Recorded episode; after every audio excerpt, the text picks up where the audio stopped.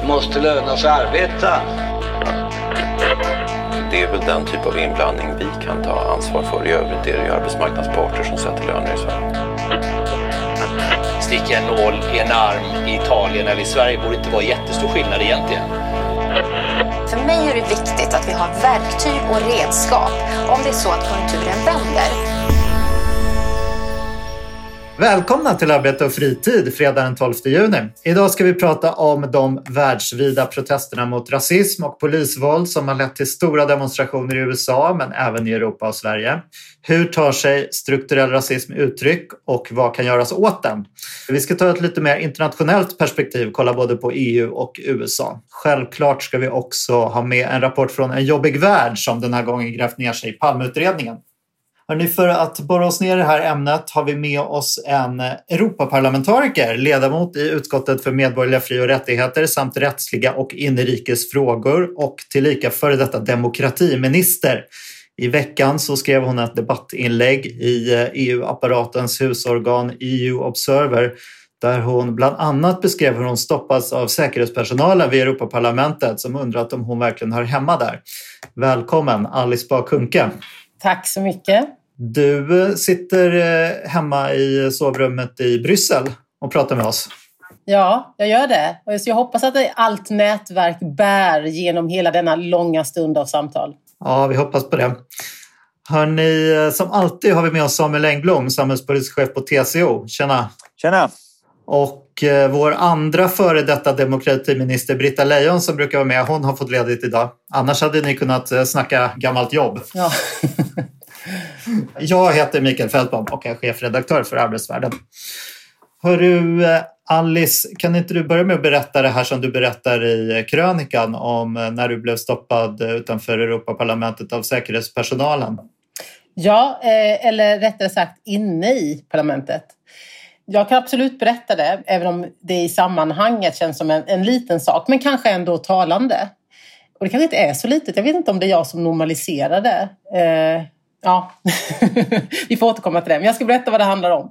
Det var ju val i maj förra året och vi tillträdde i juli och eh, relativt tidigt eh, därefter, eller snart därefter, i höstas någon gång så blev jag för första gången stoppad inne i parlamentet.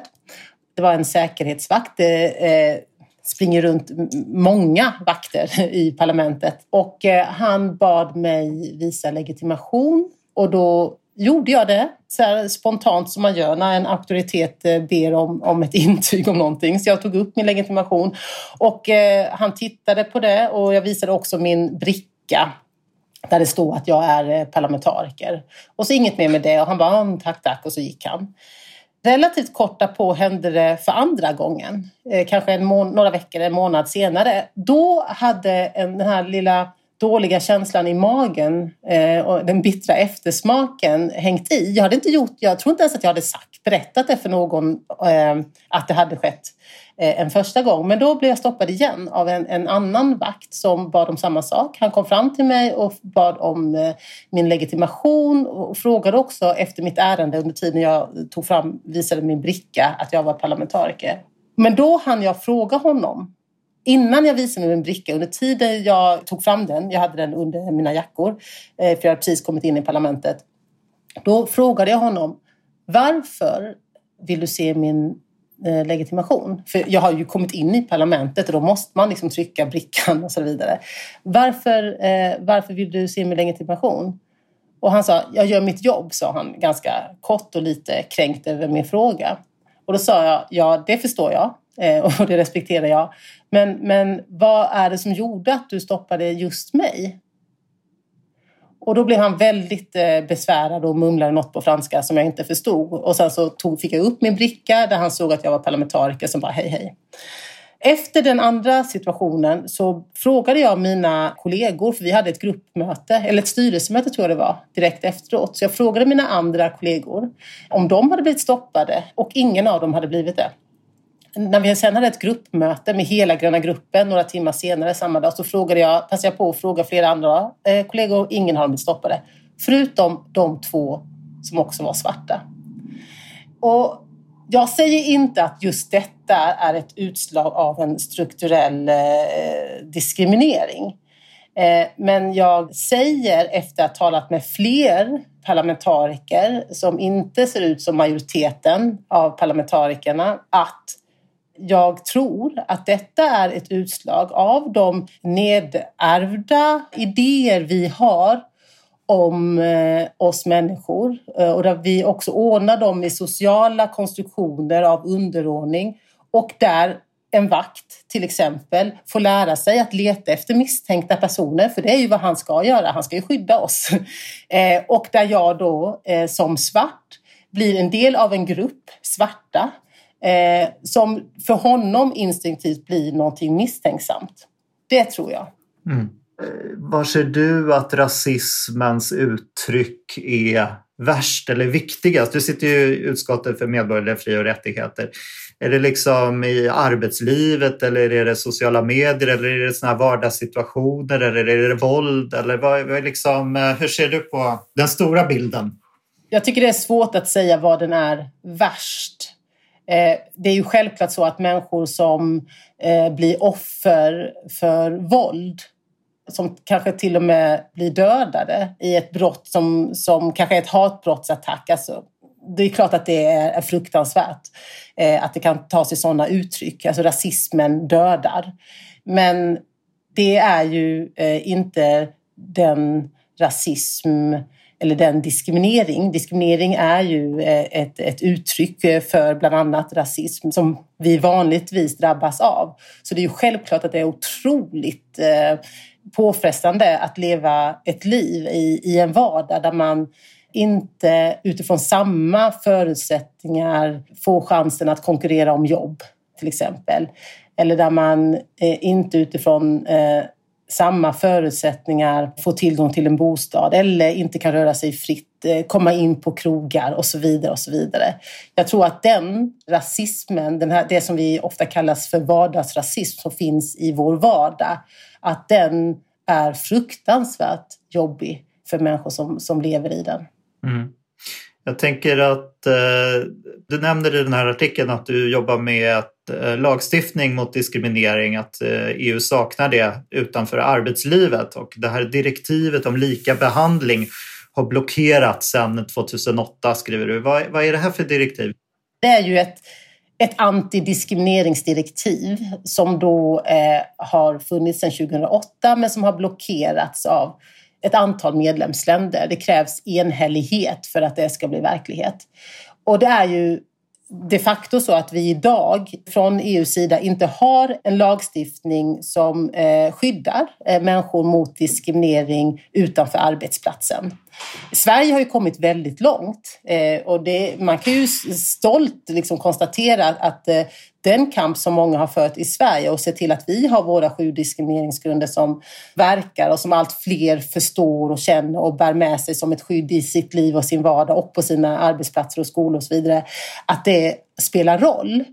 Eh, men det är ju få förunnat. Så ser det ju inte ut i de flesta eh, länder eh, i EU och i världen. Och vi saknar, vill jag säga, ett eh, starkt skydd för minoriteter i EU. Så det är det som det här antidiskrimineringsdirektivet skulle kunna vara ett, ett tydligt och starkt steg mot att stärka upp rättigheterna helt enkelt. Vad säger du Samuel? Jo, nej, men det här direktivförslaget har ju ett antal, liksom mer än ett decennium på nacken. Och det var, och, men det har blivit aktuellt igen. Det har ju varit uppe, som jag har förstått det nu, i, i rådsdiskussioner på, på senare tid. Och det stämmer ju som, som Alice säger att, att eh, eh EU då utanför arbetslivet saknar liksom den här skydd för då den, liksom den bredare listan av diskrimineringsgrunder. Men att det som finns idag handlar om, om, om kön, men det handlar också om etnisk utbildning. det finns ju en del EU-regler på området redan. Men det är ju framför allt om vi tittar på sånt som, som eh, sexuell läggning, religion, eh, eh, liksom alla typer av övertygelser. Det är ju idag eh, begränsat till, till arbetslivet. Och det är klart att vi ser ju mycket diskriminering som också kläs just i liksom religiösa förtecken. Det har vi pratat mm. om tidigare. Så det är klart att det är ju en, en, en helt klart en begränsning. Och, och det här är ju ett område där liksom, just diskrimineringsskydd är ju faktiskt ett område där organisationer som EU, men även givetvis Europarådet, eh, har en ganska naturlig roll. Det, det är regler som det är bra att lägga på en nivå över den nationella därför att det skapar en annan långsiktighet och det här är också saker som handlar om att kanske ofta då att, att det, det kan ju handla om att skydda eh, eh, liksom medborgarna gentemot, gentemot staten och då kan det vara bra att det ligger på en nivå högre än staten. Eh, eh men också den utvecklingen vi ser i Europa att, att det blir ju då där, där eh, vi tittar på, på länder som Polen och Ungern och hur man ser på, på människor med, med viss sexuell läggning och så där. Så det är klart det, det visar att, att, att, här skulle EU kunna göra mer som faktiskt får betydelse för, för människor i, i unionen. Vad skulle det kunna vara för fall som skulle kunna vara föremål för en sån här lagstiftning? Du får svara som, som expert eh, och som jurist, Samuel. Men som politiker så är det ju självklart oacceptabelt att man i flera Eh, Eh, kommuner eh, i Polen har hbtqi-fria zoner eh, och den diskriminering som det innebär och det fråntagandet av mänskliga rättigheter. Och att vi tillåter att ett EU-land som kan liksom flagga med liksom EU-flaggan samtidigt bedriver en sån politik som är sanktionerad av regeringen är ju, vill jag säga, ett tydligt utfall av något som skulle strida mot diskrimineringsgrunderna om de hade funnits på EU-nivå. Mm. Så det är ett bra exempel. Jag tycker det. Vi får se vad juristen säger. Nej, men det är, det är faktiskt ett bra exempel. För det visar just då att här har vi då en diskrimineringsgrund som inte täcks utanför arbetslivet idag och som skulle täckas av det här nya direktivet. Just det. Jag tänkte ta upp det här, du skriver också i den här artikeln Alice att eh, det finns ingen eh, rasifierad kommissionär eh, idag och det är bara 3 procent av eh, ledamöterna i EU-parlamentet som är svarta. Hur blev det så här? Ja, hur det blev så har ju väldigt eh, tydliga eh, och eh, konkreta orsaker. Eh, det finns eh, för få människor med eh, mer pigment i huden på de olika partiernas eh, listor när det handlar om då antalet parlamentariker. Och med det sagt så är det här ju ingen quick fix utan det är ju hemläxa som vi politiska partier eh, och vi som är eh, företrädare för dessa partier måste göra. Vi måste se till att vi på ett bättre sätt representerar eh, väljarna och att vi behöver se till att vi skolar unga människor med olika bakgrunder och kompetenser till att eh, driva våra frågor och organisera sig partipolitiskt. Och det är ju det här som, det är därför också jag lyfter detta i debattartikeln, varför detta är så centralt. Därför att vi lever i en verklighet eh, där eh, politikerföraktet eh, är, är en, en verklighet. Och vi, tilliten till oss som politiker och till våra demokratiska system, till våra institutioner, den, den vacklar kraftigt i flera medlemsländer. Och om då inte vi företräder de som faktiskt lever i EU, då ökar det ju risken till en bristande tillit. Så detta är ju ren Ur alla demokraters självbevarelsedrift borde detta ligga överst på agendan. Att se till att vi faktiskt eh, reflekterar verkligheten och att människor känner att de också kan påverka och att vi driver de frågor som de eh, anser vara betydelsefulla för deras liv. Mm. Ska vi komma in på eh, hela Black Lives Matter-rörelsen? du, skriver ju, du är ju ganska skarp mot USA. Du skriver att USAs president missbrukar sin makt. Det finns polisbrutalitet och attacker mot journalister och strukturell rasism. Vilken väg tror ni nu att utvecklingen och demokratin tar i USA? Ja, alltså utvecklingen i USA är ju en, en sorglig eh, berättelse. Eh, och eh, vi framtida generationer lär ju få ta del av, av, av denna och vi kan väl eh, hoppas på en ljusare framtid. Men den politik som eh, president Trump och hans administration har drivit och den retorik som bygger på ett vi och dem och en eh, vad ska man säga, dikotomi och hierarki i allt han gör har ju skapat en, en grogrund för ett eh, ett mer rasistiskt offentligt eh, samtal och en debatt som är eh, grotesk och djupt oroväckande. Och vi får väl se vart det här slutar, men jag menade när jag tog initiativ till att parlamentet, och vad jag har förstått kanske för första gången, Eh, kan få till en resolution mot USA. Vi är ju väldigt bra på att rikta kritik mot andra länder i världen, Saudi och Nordkorea och Kina. Men USA som är ju en, en, en bundsförvant i många frågor, inte minst i handelsfrågor. Alltså Europa är ju USAs viktigaste handelspartner. Här är det känsliga frågor, men vi kan ju inte stillasittande se på när en, en president till och med, som han gjorde då för no, förra veckan eller när det var, hotade med att sätta in militären mot sin egen befolkning, eh, som är ett folkrättsbrott om jag eh, som skruttig statsvetare är rätt informerad. Det får väl Samuel kanske rätta till. Men Eh, och, samt, och förutom det så har han ju också underminerat eh, journalisters eh, möjlighet att granska honom. Han har ju till och med hotat journalister och, och underminerat deras roll. Allt det här som faktiskt bryter ner demokratiska strukturer, det har han praktiserat. Och därför menar jag att det är på sin plats att EU, utifrån den relation och den position och status som EU ändå har i världen, att vi behöver rikta en, en, en gemensam och samlad kritik eh, mot USA och president Trump. Ser du något hopp med Black Lives Matter-rörelsen? Finns det något eh, som talar för att något skulle bli förändras till det bättre den här gången med de här protesterna? Ja, det är ju bra att du lägger till den här gången, för detta är ju inte första gången som eh, en, en människa eh, dödas efter polisvåld eh, och där det finns all anledning till att tro att, att hans eller hennes hudfärg har, har spelat roll. Jag är tyvärr... Eh, alltså jag är ju inte pessimistiskt lagd. det är svårt att identifiera mig med, men jag är... Eh, vad är jag? Jag, jag, jag har visst hopp. Även om jag tror att det kanske måste bli ytterligare värre innan vi människor globalt gör vad vi måste göra. Jag tror att dels att covid-19-pandemin och, och, det faktum att vi trots allt, trots all teknik och alla framsteg har förstått att vi, eh, vi inte är eh, odödliga eh, och att det finns till och med saker som vi inte ser som kan döda oss. Och när allt fler förstår att det är fattiga och svarta och människor som redan tidigare var utsatta som drabbas hårdast, men också rika, proppmätta, vita, kan dö av covid-19.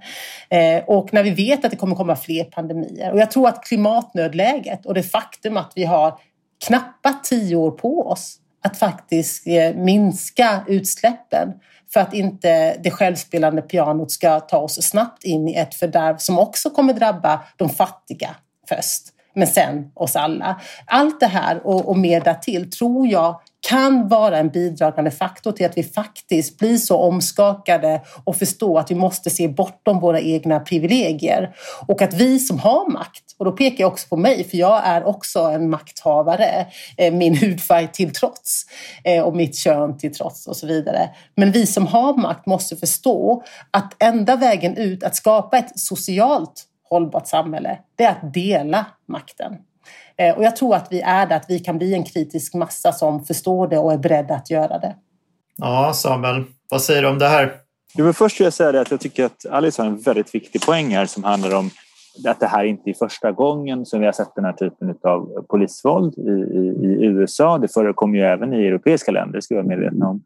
Eh, och det är inte heller första gången som det har mött väldigt kraftiga reaktioner, både i form liksom av protester, liksom demonstrationer, men också då att det har liksom det har eh, blossat upp våldsamheter som har lett till eh, ibland till ännu mer eh, polisvåld men också till liksom, kravaller och, och plundringar och sånt där. Så det, det, här är någonting som har hänt tidigare och det skulle kunna säga att ja, det här kanske har blåst över om någon vecka och sen så fortsätter allt som vanligt men USA kommer vara lite mer polariserat, ännu lite mer polariserat än det var tidigare. Sen finns det också en annan eh, liksom tänkbar utveckling. Den är det kanske mer som liknar det som hände med, liksom efter medborgarrättsrörelsen på 60-talet. Det vill säga att det här leder faktiskt till någon form av förändring den här gången.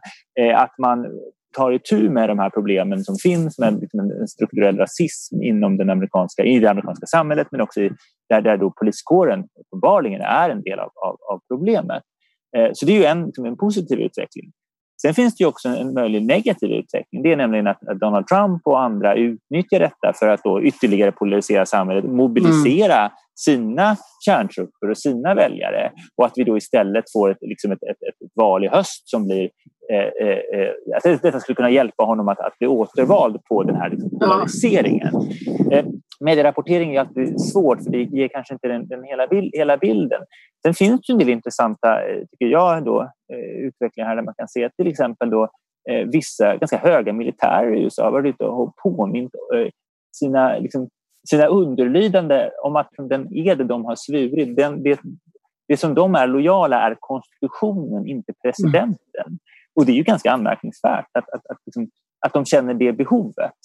Eh, och, eh, för det innebär ju att de någonstans ser en risk att, att presidenten kommer säga åt eh, eh militären att göra saker som de då inte ska göra enligt konstitutionen. Så det här är en, det, det är ju, på det viset kan det ju vara ett säga, avgörande ögonblick i, i, i, USAs historia liksom, beroende på vilket håll det där, där går. Så jag tycker det är väldigt svårt att uh, följa utvecklingen. Sen finns det ju det här på hur vi då ser på det här som europeer. Jag menar, eh, Alice säger det här att det kanske här borde Europaparlamentet som gärna uttalar sig om saker som händer i, eh, i andra länder utanför Europa. Är det här ett läge där man också bör, bör då kritisera USA eh, för det här? Det finns det säkert anledning att göra. Samtidigt ska man ihåg att, menar, Europa är inte alls fria från den här typen eh, av händelser. Alltså, menar, både fransk och brittisk polis har ju på senare år fått kritik för hur man har agerat. Eh, så det är viktigt då att för den europeiska debatten att vi inte då vänder oss mot USA och säger titta vad de håller på med där och fördömer det, utan vi måste ju se till vad som händer i, i våra egna länder. Du är inne på det Alice och kräver att eh, Europol ska undersöka europeisk eh, polis. Ja, men Samuel har ju helt rätt i detta och eh, jag har faktiskt formulerat mitt förslag till debatt som nu blir av och, och, resolutionen just så att vi ska kritisera det som sker i USA men att vi ska debattera också hur ser det ut i, i Europa och i våra medlemsländer. För det tror jag att vi inte ska missa det det är ju en, en grannlaga uppgift för jag värjer mig samtidigt vid att vi bara ska copy-pasta den amerikanska debatten för det är ju sin egen kontext och den kräver ju sin respekt. Men, eh, vi har andra förhållanden eh, i i de olika EU-medlemsländerna men det finns ju också likheter. En likhet är att rasismen tar sig alltid olika uttryck. Den är finlämmad. Det är ett, ett, ett, skarpt verktyg. Den hittar sina vägar, den döljer sig. Den tar sig uttryck ibland i direkt diskriminering men ibland i bara så här otydliga strukturer väldigt liksom, implicit. Så att eh, ja, det finns likheter men det finns också stora olikheter och det måste vi eh, respektera för att inte eh, rikta vår kraft fel. Men ett av de andra initiativ vi också har tagit under de senaste veckorna det är då att eh, uppmana kommissionen, det vill säga det organ i eh, vårt system som ju har till uppgift att bevaka att medlemsländerna gör det de ska vilket jag inte tycker att kommissionen är särskilt bra på, eh, vill jag säga. I, I alla fall inte tillräckligt bra. Vi har uppmanat, vi fick med oss fler än hundra parlamentariker från olika grupper att bland annat eh, ge Europol, eller någon annan institution, men Europol tycker vi verkar vara lämpligt, i uppdrag att eh, kartlägga men också övervaka och vi kräver ju mer kunskap om hur det faktiskt ser ut. Eh, därför att de olika medlemsländerna rapporterar olika eh, och eh, det finns förstås en, en, rad föreskrifter vad det gäller datalagret och annat som vi också är måna om att man respekterar och människors integritet. Men utan ett bra faktaunderlag, siffror på hur en strukturell rasism tar sig uttryck så blir det också väldigt svårt att sätta in åtgärder. Så vi behöver mer kunskap. Jag tänkte på, det känns ju som du med den här debattartikeln stödjer ju eh, Black Lives Matter-rörelsen på något sätt, eller i alla fall sympatiserar med liksom den övergripande inriktningen här, att man vill ha eh, liksom mot rasism och så. Men det har ju också höjts röster mot att Black Lives Matter kanske i sig kan innehålla liksom spår av rasism mot vita eller att det upplevs som ett hot. Det finns ju en ledarskribent som har skrivit till exempel att Black Lives Matter-rörelsen kräver vit underkastelse. Han skriver så här, dags för vita att vara allierade, göra avbön, tystna, lyssna, flytta på sig eller vara medskyldiga till rasism. Ligger det någonting i det här? Finns det någon sorts, kan det finnas en rasism i vissa kretsar? Eller har du stött på någonting? Eller är det här mest en vit man som, som känner sig hotad av paranoida skäl? Liksom? Vad, är din, vad är din analys? Nej, det finns säkert många vita män som känner sig hotade av paranoida skäl. Men Eh, jag tror absolut att det kan finnas många, eller en, alltså, att det kan finnas galningar som gömmer sig bakom en Black Lives Matter-skylt och tar sina eh, personliga vandetter eller tillfället i akt. Självklart. Det är ju liksom inte ens en, en, en, en strukturerad organisation i svensk föreningslivsmärkning. Alltså, det är klart att det kan gömma sig massa saker där. Men kärnan och det som vi många demokrater för fram när vi visar sympati med människors kamp för sina rättigheter i USA, det är ju att det inte handlar om att människor med mindre pigment i huden ska fråntas sina rättigheter. Det som jag ser att svarta människor eh, i USA, de jag lyssnar till som driver den här frågan i USA, det är ju att de säger ni som har privilegiet och tillgång till de här rättigheterna, vi begär inte att ni ska bli av med dem. Det vi hoppas på och det vi ber om, det är att ni ska arbeta för att vi också får möjligheter till samma rättigheter. Och det är kärnan. Ja, punkt slut. Hur ska man ta sig an om det finns ett sånt här motstånd från de som har de här rättigheterna idag känner att eh, om fler får tillgång till dem så blir det utspätt på något sätt? Ja, det här är story of my life. Men herregud, vad är jag? Jag är snart 50. Och i hela mitt liv, för all kamp, alltså för kamp för hbtqi-personers rättigheter, för kvinnors rättigheter. Alltså alltid är det ju detta att, att det finns de som blir väldigt rädda. Eh, och gärna då ta till de här starka argumentationen som du lyfte från någon, från någon krönika eller vad det var. Eh, Ja, alltså till syvende och sist så handlar det ju om makt över eh, sitt egna liv och makt över att kunna ha, göra fria val och leva ett liv i frihet. Makt, tillgång till de här rättigheterna att, att kunna söka jobb på lika villkor. Rättigheten att kunna vara ute och jogga utan att bli skjuten i en amerikansk kontext. Då. Jag menar, det här kräver ju att vi blir många fler som delar med oss. Alltså kvinnor i Sverige hade aldrig haft tillgång till de rättigheter och möjligheter som finns idag om det inte var för att det också fanns män, och har funnits män och finns män som också är beredda att kämpa för deras rättigheter. Och det är samma sak nu. Men då, då förstår jag att vi som driver de här frågorna måste arbeta med och förhålla oss till att det finns människor som blir rädda. Rädda för att förlora sina privilegier. Och det är ju en, en djup eh, rädsla som man inte liksom väjer av i en hetsig debatt eller med några Twittertecken utan det här kommer ju krävas mycket samtal och, och försöka nå varandra. Men din första reaktion är ju så här, ska jag behöva vara psykolog för människor som är rädda? Liksom? Ja, jag vet och det kanske är dumt av mig, men jag är, jag är lite... Ja, det, men du har helt rätt. Jag, blir, jag, jag ska bli bättre på att dölja min trötthet. men jag tycker att jag har fått vara nej, men det genom hela nej, men livet. Det är väl jättebra. Ja. Det är väl en jättebra, jättetalande reaktion. Jo, fast vi måste ju också ha tålamod. Men vi får väl vara olika då som puttas fram. Som, då, den personen av oss som har tålamodet får ta de här samtalen. Just nu är jag, jag gjort, som, just nu är jag inte där.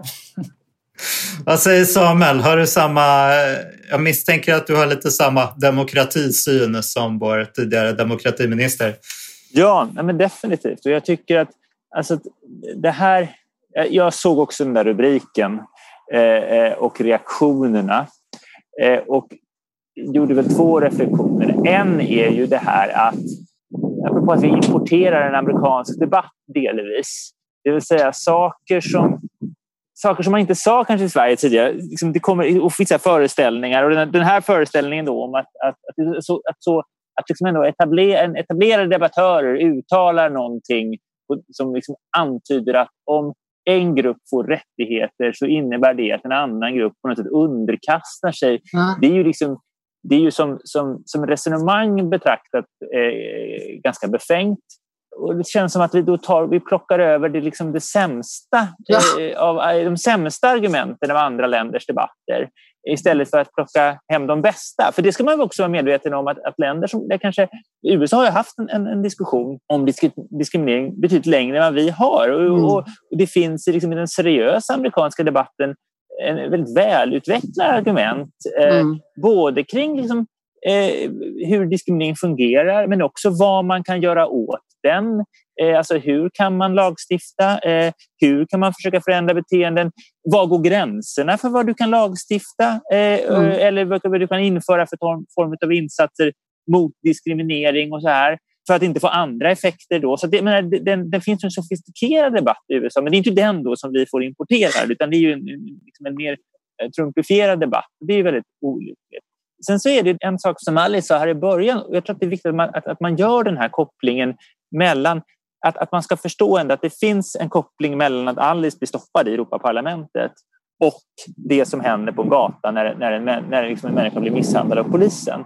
Eh, eh eller i, där, när någon, någon blir utsatt för glåpord liksom av andra eh, privatpersoner. Att, att, att eh, eller att just det här att man anpassar sitt beteende. Jag, menar, jag vet ju mm. det när jag och min fru ska eh, skicka en förfrågan om att boka ett, ett eh, semesterhus, ja då är det jag som skickar det. Därför att mitt namn och mitt efternamn eh, ökar chansen att vi får ett positivt svar. Mm. Det vill säga det här att, anpassa, att man hela tiden anpassar sitt tvingas anpassa sitt beteende efter föreställningar som finns i, i och som rasistiska föreställningar som finns även i det svenska samhället. Det, det, där, det, det är liksom det man behöver komma till rätta till. Man måste liksom kunna skapa Eh, Eh, en situation där man inte behöver anpassa sitt beteende i sin vardag. Jag menar, I USA är ju det här någonting som diskuteras mycket ibland om man träffar...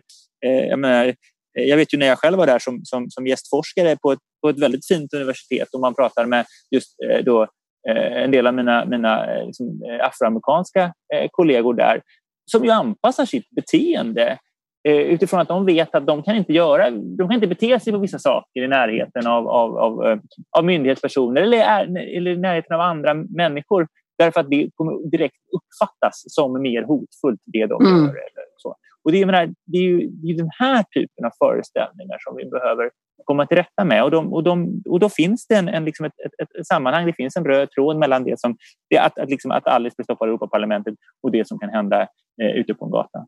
Jag tycker att det var väldigt eh, klokt sagt av, av Samuel och eh, jag tycker att vi alla har ett ansvar i de samtal vi nu för eh, runt eh, fikaborden, fikaboden, på middagar hemma, när vi träffar människor som vi kanske träffar för första gången om vi åker någon kort stans på semester i dessa coronatider. Eh, att, att just eh, eh, intellektualisera eh, diskussionen. Att göra, jag tycker det var jättebra det du sa Samuel, varför tar vi inte det bästa? Alltså, USA är ju ett av världens också bästa länder.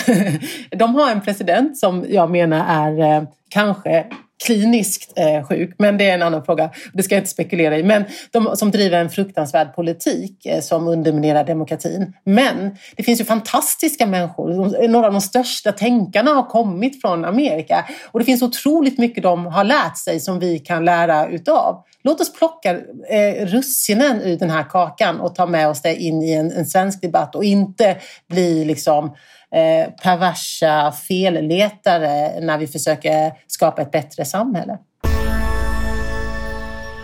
Fina avslutningsord i frågan tycker jag. Hörrni, eh, innan vi går in på en jobbig värld, eh, vår specialredaktions eh, avslutning, så ska vi kanske säga någonting om en, den jätteviktiga frågan nu i EU då, som handlar om minimilöner och det kommande direktivet eller rekommendationen om minimilöner från kommissionen.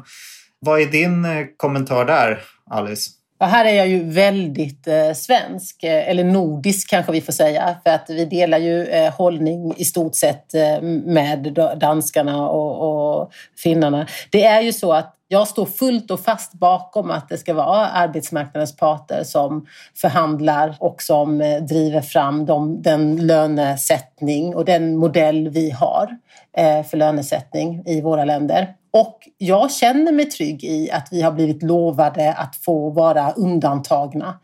Eh, samtidigt som jag då är trygg i det och har den hållningen så har jag respekt för eh, Eh, alltså i, i solidaritet, respekt för att det finns många andra länder i EU som inte alls har den här relationen mellan eh, arbetsgivare och arbetstagare som vi har genom fackförbunden.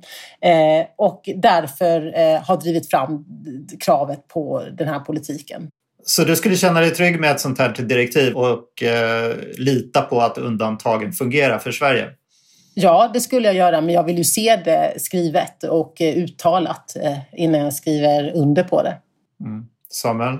Jag har ju läst den här andra konsultationen nu från, från EU-kommissionen då, eh, som är då nästa steg i deras liksom, väg mot någon form av instrument som gäller minimilöner. Och jag tycker att det lämnar liksom samma frågor obesvarade som det första eh, dokumentet eh, och som väl gör att jag är eh, då kanske eh, ännu mer pessimistiskt över möjligheterna både att då skapa ett direktiv, som, eller ett instrument ska vi säga, som respekterar de, den svenska och den nordiska arbetsmarknadsmodellen. Eh, men också att skapa ett instrument som skulle innebära en meningsfull förändring för människor i andra EU-länder. Eh, och det beror på två saker. Eh, först kan man säga att, att, att den här grundläggande frågan om det här är någonting som EU överhuvudtaget har rätt att besluta om, den kvarstår ju. Och i det här dokumentet så gör man då en ganska intressant sak från kommissionen. Man säger inledningsvis eh, i, faktiskt i något, mer, något skarpare ordlag än i det första konsultationsdokumentet att artikel 153.3 som säger att EU inte har lätt att lagstifta då i, om, om löner.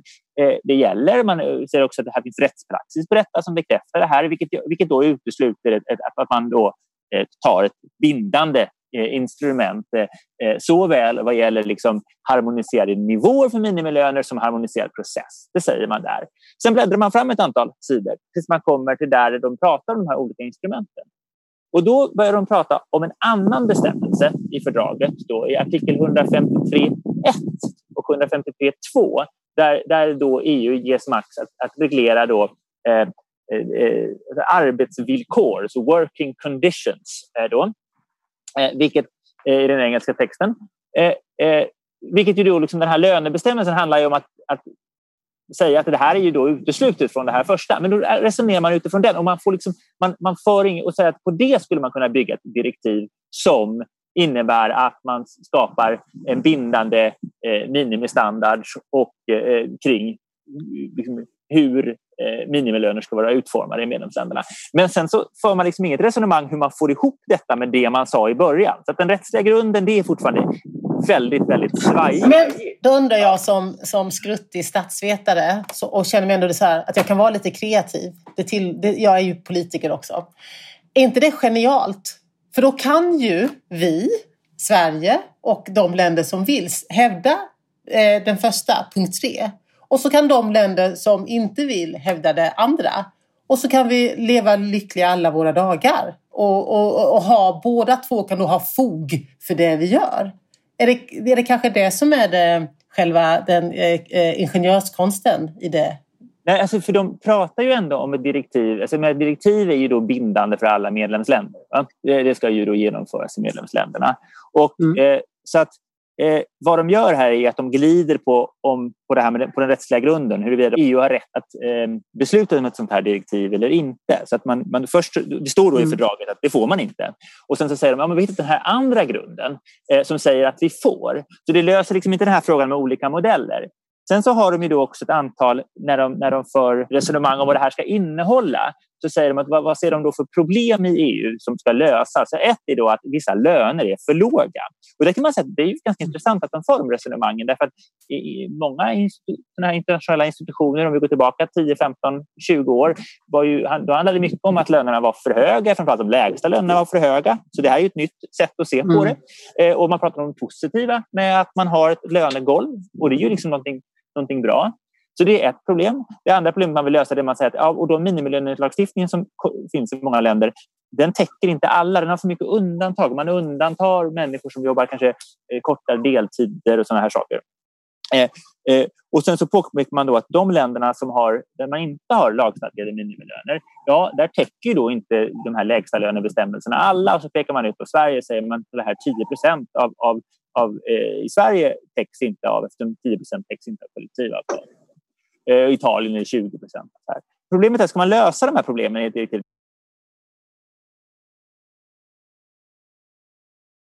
som människor får undantagna från minimilönebestämmelser. Och dessutom så skulle man då säga att ja, det, det går inte med kollektivavtal. Därför att kollektivavtal kan aldrig uppnå 100 i täckning. Känner du dig trygg när du hör eh, Alice eh, svar på frågan om hur hon hanterar ett sånt här kommande direktiv? Nej, alltså jag, jag är ju då skeptisk till att gå att skapa ett hållbart undantag från Sverige från ett bindande direktiv. Ja, och då vill jag säga så här, när vi väl får det här på vårt bord vilket ju kommer dröja. Eller, eh, för det här ska ju nu vändas och vridas på. Men när vi väl får det, om det inte finns, för det var jag noga med, jag måste ju få läsa det och jag hoppas ju då att det vi har hört hittills från de främsta företrädarna, att vi ska undantas, att det är tydligt. Är det så otydligt, i slutprodukten som Samuel beskriver, då är det ju inte tillräckligt tydligt för att vi, någon svensk från någon partigrupp kommer gå med på det. Så att eh, det återstår ju att se. Jag blir ju mer orolig, men det blir jag ju alltid när jag talar med jurist. eh, när, jag, när jag hör. Men, men eh, vi får, det återstår att se helt enkelt. Men, men jag kommer ju inte gå med på något som tar bort den modellen för jag tycker ju att vår är eh, den bästa. Det har ju då pratats om att man ska, okej, okay, det som Europafacket till exempel säger, ja men låt minimilönen vara 60 procent av medianlönen. Problemet är att när man tittar på olika länder så är det en del av de länderna som har de lägsta lönerna, där man verkligen kanske behöver få upp lönerna. Där är också medianlönen så låg att deras minimilönebestämmelser kanske redan uppfyller det här. Så de skulle mm. då inte få någon hjälp. De skulle faktiskt kunna eh, liksom, få en risk att jaha, vi har en minimilön som ligger på 65 procent av medianlönen men nu säger EU att vi inte behöver eh, att vi inte mm. behöver ha mer än 60. Och varför ska vi hålla på med sån här gold plating då? Och det, då får vi en sämre eh, konkurrenssituation gentemot våra grannländer. Så risken för en del är att det här skulle kunna leda till en press neråt på lönerna eh, i, i vissa länder. Det är därför vi inte ska ha någon lagstiftning på det här området från EU-nivå.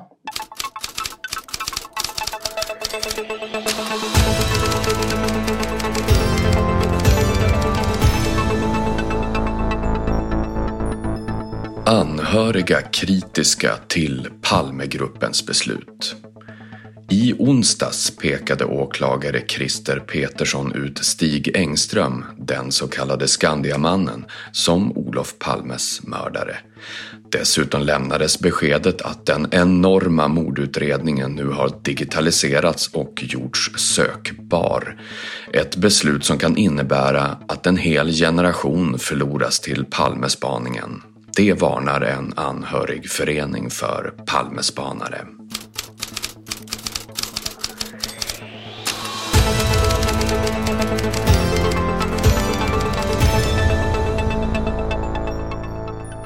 Ja, hur reagerade ni när ni såg den här presskonferensen om eh, Palmeutredningen?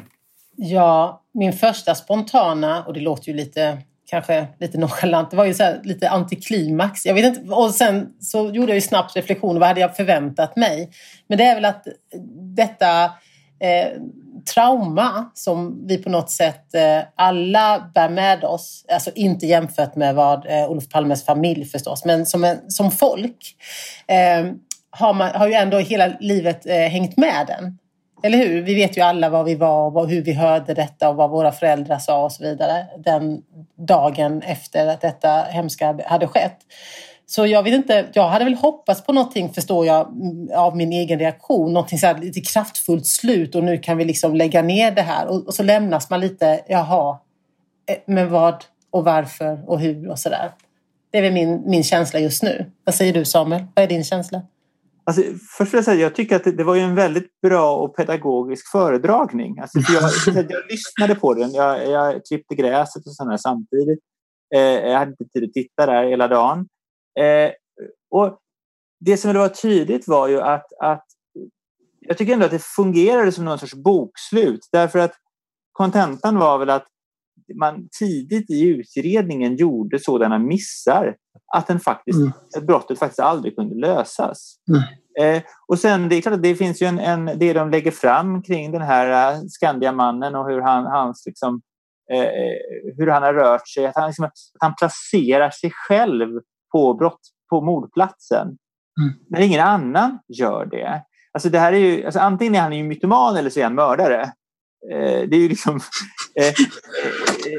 Det, det, det, är ju, det är ju på det viset väldigt fascinerande. Jag tror att det var bra att man gjorde det här. För att kunna lägga ner Palmeutredningen så var man nog tvungen att göra ett ganska kraftfullt avslut.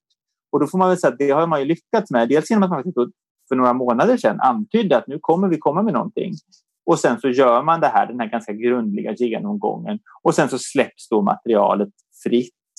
Eh, det blir då, förundersökningen blir då offentlig i och med att man har kommit så här långt. Eh, Eh, och det tror jag också är väldigt bra. Vi får väl inte mer slutpunkt än så här. Och, och, men det var ändå bra att någon vågade liksom, göra ändå den slutpunkten. Mm.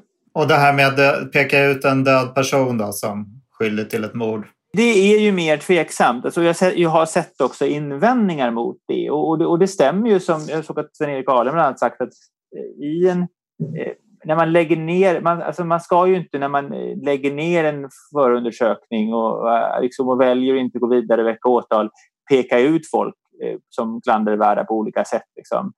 Det är ju normalt sett inte så man gör. Eh, och, och, det ligger ju någonting i det, det får man ju säga. Och då kan man ju fundera på hur, nu var ju hans identitet känd och så här. Så det är klart, där finns, där finns ju en diskussion om huruvida det var lämpligt eller inte. Sen är det här ett väldigt speciellt fall. Jag tänkte väl att om det nu skulle vara den här personen som pekas ut så säger det också någonting om, alltså det är en, en moderat kommunalpolitiker från Täby som hade lite problem eh, i det sociala livet som, som alltså mördade statsministern. Ja, det, är bara, det är någonting futtigt över det och det säger samtidigt någonting om tiden. Eh, och det här om Palmehatet och det här som fanns omkring då. Det är ju något som man inte riktigt har funderat på att det skulle vara så enkelt riktigt. Jag tycker att vi avslutar där tacka Alice så jättemycket för att du ville vara med. Jättekul och intressant att ha dina synpunkter om det här. Men tack så mycket. Jag hoppas jag får återkomma. Vi får se nu då om eh, parlamentet eh, antar en resolution, om vi får ihop en majoritet eh, nästa vecka. Eh, då får man kanske anledning att återkomma och så kanske jag får återkomma och diskutera när förslaget om minimilönerna ligger på bordet. Just det, det är bra. Tack Samuel också. Och jag ska säga att det är Anders Ljung som klipper podden och att man naturligtvis ska prenumerera så att man inte missar några avsnitt. Man ska också prenumerera på Arbetsvärldens nyhetsbrev. Det gör man genom att gå in på sajten arbetsvärlden.se. Hörni, tack så mycket för idag och eh, vi hörs igen om två veckor. Hej hej! Hej då!